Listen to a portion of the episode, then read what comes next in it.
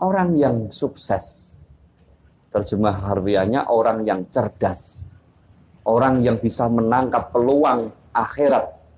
Orang yang sukses akhiratnya. Mandana nafsahu, yaitu orang yang bisa menundukkan nafsunya, mendidik nafsunya, mengalahkan nafsunya.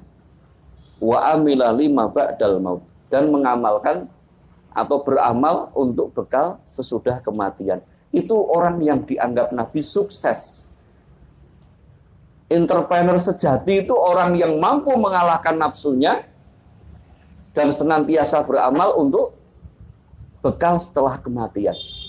Nah, dua hal ini yang sebenarnya harus kita terus lakukan saudara sekalian ya.